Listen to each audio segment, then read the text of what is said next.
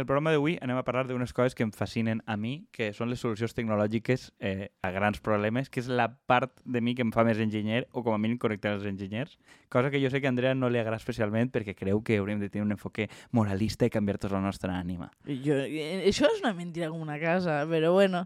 No, jo, el tema és que a tu t'agradaria eh, solucionar tot disparant asteroids. I això és una cosa en la que no estem d'acord. De moment, no m'has portat, no m'has aportat proves de que això no tinga efectes negatius en altres coses. Però bueno. El que, a veure, jo, jo crec que canvi climàtic, com anem a solucionar-ho? A banda de posar plaques i coses d'estes, pues haurem de fer espills que reflecteixen la llum solar i bacteris, o sigui, que és una solució tecnològica corregirà un problema que ha generat tecnològicament. Bé, això que comenta Kiko Miralles, que està molt emocionat en aquest tipus de plantejaments, connectaria perfectament en el llibre que, pro, que proposa Aaron Bastani, que es diu Comunisme de luxe to, de, totalment automatizado, crec que Sí, diu. totalment automatitzat. Sí, que, que encara no, no hi ha una versió en valencià, però és una cosa que sempre en darrere, perquè no tenim a ningú que publique coses que ens interessen. Home, però si Dintre- aquest llibre no és Joan Fuster, perquè ha puesto, no sé com vols que estigui publicat en valencià. Igual és la, la manera de fer un cavall de Troia és posar que és Joan Fuster i després que no isca, perquè Sí. i després dius que tot és una metàfora de Joan Fuster. Dona igual el tema. Fem tot una- és una metàfora Fem una falsa traducció de que Joan Fuster fabricava satèl·lits en casa i que, per tant, ja va anticipar el savi de Sueca. Ja van- Fuster ja és de per si un concepte meta, ja pot ser qualsevol cosa.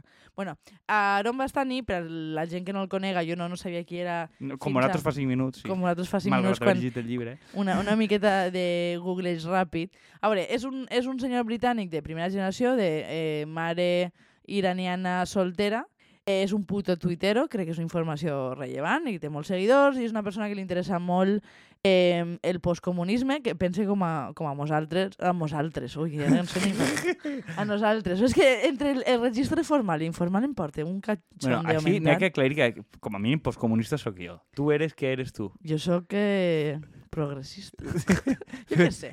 Jo sóc més pragmàtica que tu, però Sí, i no, qui- menos, no menos d'esquerra. que Però- Tu ets molt flipat. Però això què implica, a veure? Això què implica? Tu eres post en sindicalisme universitari Ah, groc, ous. taronja? Bueno, taronja, Eh, va, to- groc del tot tampoc. Toca't els ous, no pensa fer cas a aquestes provocacions absurdes. Bé, to- to- total, perquè, o sea, mira, que tu cregues que el teu sindicat era superguai i superxulo, mira on estan tots, en compromís. A mi, no, que no me contes històries. La, o sigui, la que anava a acabar en compromís era jo i on estic. No, perdona, ells estan en compromís però cobrant, no com tu. Exactament. O sigui, serà l'única pringa sóc jo. Bueno, continuem en el programa de, de què va, perquè sempre, sempre estàs intentant trolejar-me i l'audiència ho sap, que ho fas apostes perquè jo em lie i no sàpiga dir el que tinc que dir. Però bueno, eh, és un senyor molt interessat en pensa que en comunicació i en evitar missatges derrotistes. I, de fet, tenen un, una espècie de mitjà que va crear en 2011, que es diu Novara Media, que és bàsicament clickbait de- d'esquerres per a fer eh, contra-stories. Què passa? Que el que planteja en el, en el llibre este, el comunisme de luxe, va justament en esta idea. És un llibre pensat per a crear esperança, però clar, és crear esperança des d'un punt de vista enginyeril com el que mos plantejava Kiko a l'inici. Bueno, i quina altra manera de crear esperança? Que tot el món canviarà, com dia abans, la seva ànima i passarà a ser bona? No, vull dir, anem a crear una solució que la gent li isca més fàcil i més rentable fer les coses bé. O sigui, Jo tinc dubtes en alguna de les coses que planteja, però el que crec que sí que aporta aquest llibre és un concepte que pensa que és molt útil, que és el de postescassetat. Perquè, bàsicament, el que t'està dient és, ara mateixa, que, que això ho hem comentat altres voltes respecte de, del PSOE i del PP, no? La, la principal arma de, dels partits polítics majoritaris és dir-te, no, és que l'alternativa aquí... No n'hi ha alternativa, això és el que n'hi ha. L'alternativa és que estigues en un país en guerra, en o en, eh, jo què sé, eh, o en Iran, o, o, en Venezuela que tallen la llum. eh? Exactament. O sea, l'única alternativa és a, a un món molt pitjor. Aleshores, el que t'està dient este senyor és, bueno, si mos carreguem la idea de que els recursos són escassos, podem començar a tornar a somiar nous horitzons que siguen més amables en les persones, sense tirar excessivament de les solucions individuals com tradicionalment ha fet l'ecologisme. Encara que tenim després exemples de, de, de gent que no, no està fent això necessàriament, però bueno, que, que ha sigut una traducció majoritària. Ell, ell tira pel costat, sobretot, que crec que és interessant el tema de l'energia, no? de com al final l'energia solar és, és, és infinita, no? de, bueno, com a mínim va durar més que el que dura la humanitat o el que dura el planeta Terra, i que, per tant, partint d'ahir, d'alguna manera el paradigma és com aprofitar aquesta energia infinita, que de per si l'energia que rebem és més que suficient i de sobre per a les necessitats energètiques de la humanitat i del planeta, mm, partir d'aquest paradigma de com realment aprofitar-la i aprofitar-la per a fer altres coses a través de... Per això són diferents solucions tecnològiques. Jo crec que lo important de la solució tecnològica no és que ho arregle tot, sinó com dia que genera els incentius a la gent de comportar-se de la forma correcta. De dir, anem a, anem a apostar políticament per un món en què no n'hi ha escassetat i que podem dedicar-nos a altres coses, no? A la cerca de la felicitat, a altres rotllos, no a competir per recursos Exactament. escassos. És a dir, eh, la idea de que si tu tens un, un entorn en què els recursos són escassos, hauràs d'estar contínuament eh, competint per la supervivència. I això és el paradigma en el que viu el liberalisme, jo crec, no? I la idea és fugir d'aquest marc. També planteja coses interessants, que això sí que està passant i pense que és més evident, perquè algunes de les coses que planteja en termes de l'energia i determinats recursos que són limitats, són una, encara sonen per a mi una miqueta ciència-ficció i és una miqueta la part que menys m'ha agradat, però per exemple parlar de l'alimentació i els canvis i, i, i que són coses que ja estan passant, no? També em penso que és molt interessant les coses que parla sobre eh, quin és el paper de, de les institucions públiques, perquè vull dir lo que, lo que està fent la major part del, del mercat privat és, és parasitar grans inversions de l'erari públic, com hi parla pues, això de la NASA, de, que això sí que ho hem comentat altres voltes, no? Dir que, que bàsicament tu fas una gran inversió i després qui s'endú els beneficis, qui priva privatitza els descobriments, són les empreses privades. Sí, bueno, que, que l'exemple típic és que en un moment determinat un terç de la població de Califòrnia vivia del programa espacial, d'una manera o altra, de quan estaven fent la, la carrera per arribar a la Lluna, i que pràcticament tota la indústria de la informàtica i tal, que hi ha hagut en Califòrnia, en Oregon i Washington i tal, ve precisament d'inversions estatals a fons perdut en coses de ciència bàsica, de circuits, tot el que feia falta per operar en una nau, després han sigut derivades que han fet per a fer calculadores, per a informàtica comercial, per a moltes altres, per a fer videojocs, o sigui, són moltes coses que no són intuitives, però al final sempre és el sector públic el que tira, que això en economia, la, la esta que sempre citen Errejón i companyia, Mariana Matsukato i tal, és com ara s'ha descobert que l'Estat és el gran fonament econòmic i tal. Jo crec que aquestes propostes estan bé, però no deixen d'arribar sobretot a economistes, a gent que ja està dins. Crec que el que fa Guaies de Giga és que et parla com el ciutadà comú, no? D'una forma més antropològica. És dir, tu el que tens que apostar és per una vida humana que tinga més sentit, no només parlar sempre de mesures. És el que diem un poc de l'altre dia, no? De la, la, no centrar sempre en la gestió de l'escàs, en les polítiques públiques. Crec que este xic fa un esforç que crec que està bé, crec que és millorable, com tot, però és que no, no tenim molts textos que vagin d'això. A veure, sí, jo, jo crec que algunes solucions que proposes semblen a, a solucions de videojoc, no? Vull dir que en l'espai... I, i, Jo, sí, sense tindre ni puta idea del mundillo, i ja m'agradaria a mi poder-me clavar en la gent que juga a videojocs, però la veritat és que no tinc ni puta idea. Jo és que ell té, jo crec que aquest xic per té una mentalitat molt de persona que ha jugat durant gran part de la seva vida a videojocs, i a més videojocs de Age gestió. of Empires. Sí, a videojocs de gestió, de Age of Empires, de Hearts of Iron, de Universalis, de coses d'estes de... Jo he jugat als Sims, això no compta. Eh, regular. O sigui, el tema és que tu si tens que administrar un mogolló recursos, el coste de la inflació, no sé quantos, tal, tu penses molt d'una manera determinada de, que, de com recursos escassos, de com aconseguir-ne més, tal. I crec que la seva manera de pensar, jo entès, jo crec que, que empatitzant més que tu la seva forma de pensar, perquè la meva manera d'abordar problemes també va una miqueta per ahí. Que crec que això modula molt la teva forma com penses. Sí, a veure, jo crec que n'hi ha- dues coses que no m'han que m'han plantejat dubtes. Una és, em sembla que est estiga bé no, no situar tota la responsabilitat en les persones, però pensa que la moralitat de les accions no, està, no és negativa en si mateixa. És a dir, que ens comportem de manera més responsable, que, que siga una mala idea. Jo, mira, me'n recordo un, un I, capítol... A, a, al principi m'has negat justet No, que la teva no. idea fora Bueno, moralista. i- Bueno, però, ja, però en, en, en a canvi d'idea. Me'n recorde molt, ja veuràs, o sigui, que viejuna soc, d'un capítol de les tres bessones, no sé, o sea, no recorde res del capítol, recorde que estaven en un lloc en molta aigua, però que aprenien a que, encara que hi haguera molta aigua, no s'havia de, de desperdiciar. I això a mi me va, a mi, que no sé quants anys tenia, segurament més major de lo que toca per a aquesta sèrie, però a mi me va marcar i pense, pense en aquest tipus de coses. Però l'altra cosa que em planteja és que exigir-li esperança a un llibre és una cosa molt fotuda. És a dir, és el que dius tu, és que no, no tenim eh, plantejaments de futur que no mos diguen caos, destrucció, humans contra màquines, o sigui, la gent despedaçant-se per ahir per aconseguir recursos bàsics. És que eh, crec que hi ha, o sigui, hi havia moltíssima expectativa en un text que, que era suficientment ambiciós per intentar proposar-li a la gent. No, ha, no, hi ha una possibilitat d'un món millor en el que tots eixim guanyant i que és claríssimament socialista. Pues, escolta, cre crec que el, jo crec que només per l'esforç ja val la pena. I crec que no que anem a anar-li tant, eh, justament perquè és el primer que fa algo i és, pues, pues, bueno, són esforços, no? És com, com, com quan et queixes, no mos queixem del llenguatge inclusiu. Dir, bueno, pues el llenguatge inclusiu pues igual pot sonar-te ridícul i millorable, però almenys està fent un esforç perquè tot el món se senta dins. Pues, bueno, per almenys anem a donar-li un, un cert dubte, no? I a mi em, em passa una miqueta, això en aquest xic, crec que el que em va enganxar justament, de fet, quan vaig agarrar el, el, el teu, és el, el, el tros aquell de les merdes de cavall,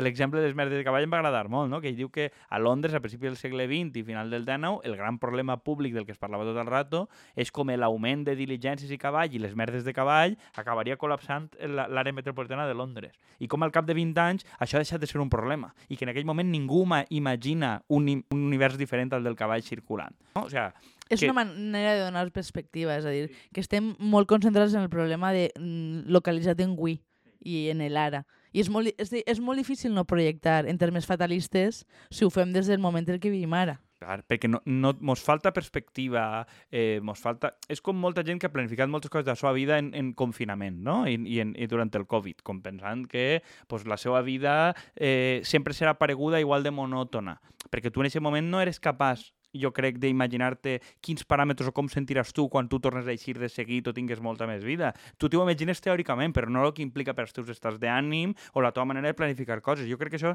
són idees com molt... Encara que tu ho intuïsques racionalment, crec que com emocionalment t'afecta, crec que és difícil de veure i crec que això funciona de forma pareguda. Quan tu tens elements que tu no pots preveure existiran, sobretot no, no és que no puguis preveure no sé què, que aquesta tecnologia o aquest comportament humà existirà, és que al mateix temps això obre altres perspectives de lo que passarà. És com, per exemple, si molta més gent es fa vegana, eh, obrir moltes perspectives de, eh, de què vas a dedicar el camp, per exemple, no? M més allà de lo cultural, quan estem discutint de tot el rato, però els veganos no volen que el menú tinga formatge, i estem discutint bàsicament gilipolles i no a lo millor lo estructural que això afecta, que cada volta més gent tinga un hàbit, o el que parlem dels bitcoins, no? Al respecte del bitcoin, que el, el bitcoin gasta llum, no? Vull dir que, que és una derivada que parlem de, la moneda és independent i l'Estat, però moltes voltes afecta coses molt concretes i té altres derivades. Crec que com a humans solem tindre problemes de no sé com, com definiria això, no? però són com, com tercer, segones o terceres derivades de problemes. Jo, jo diria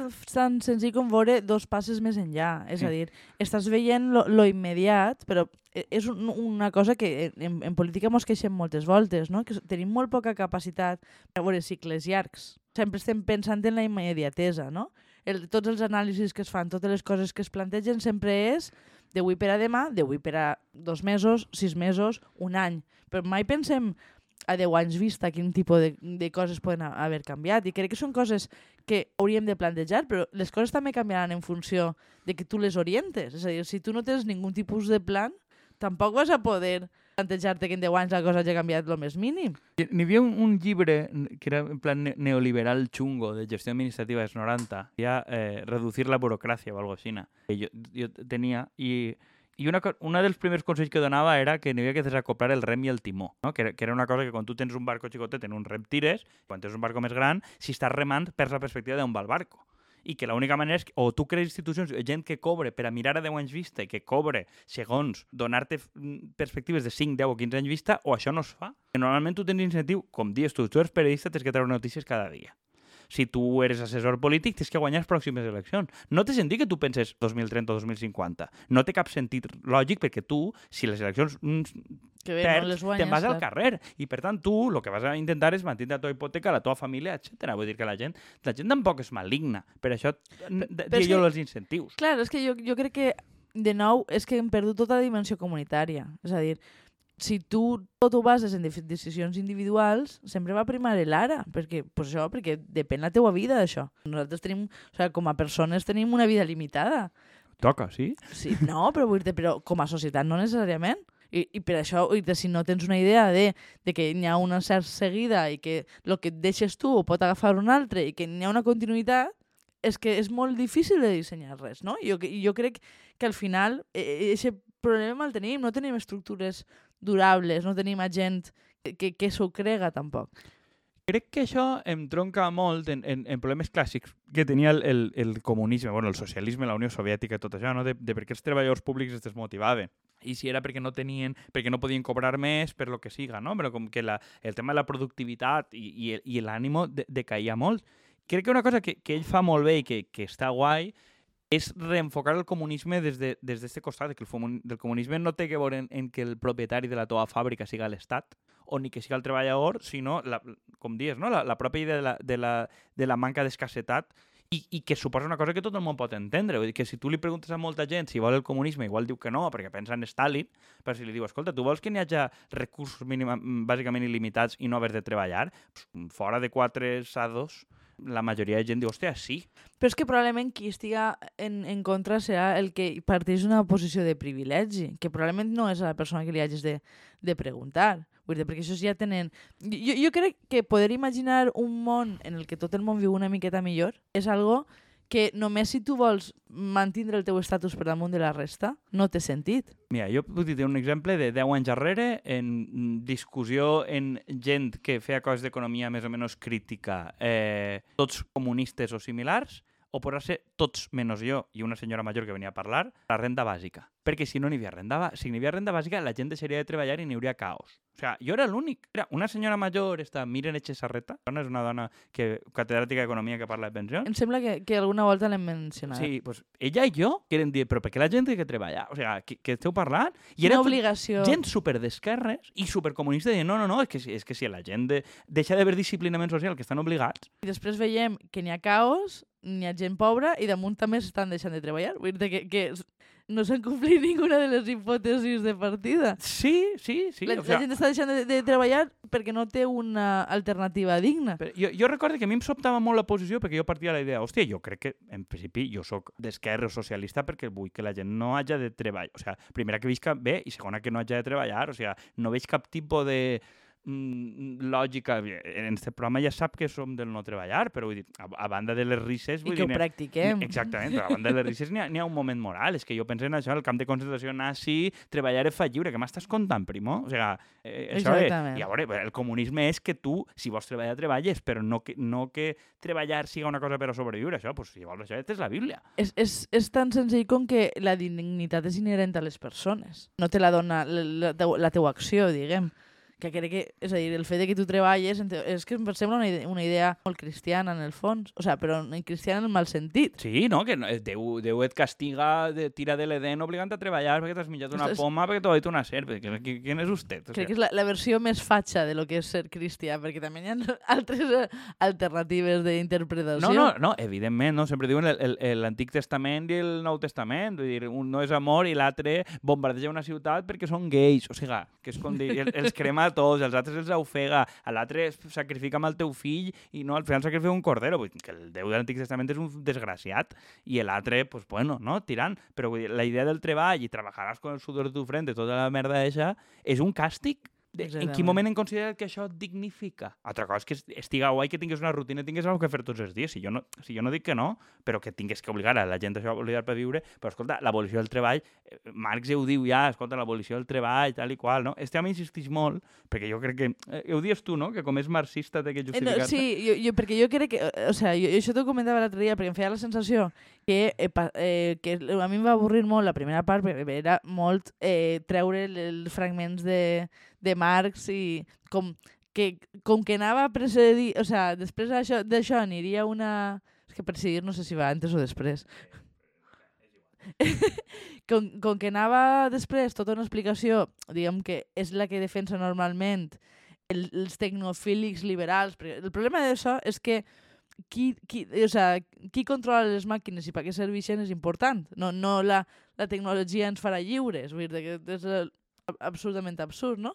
Però vull dir que, que passava molt de temps justificant que no, que ell partia d'un plantejament d'esquerres. O sigui, això em va parèixer pesat de dir, Està senyor. bé, el tema és que a mi això no em va sobtar, probablement perquè com a postcomunista de veritat estic acostumat a que citen a Marx prou rato i per a mi està guai que, que que Ah, vinculen una cosa en l'altra. per, per, per això no sabeu relacionar-se en les persones Efi- després. Evidentment, ni ganes tampoc, eh? però que...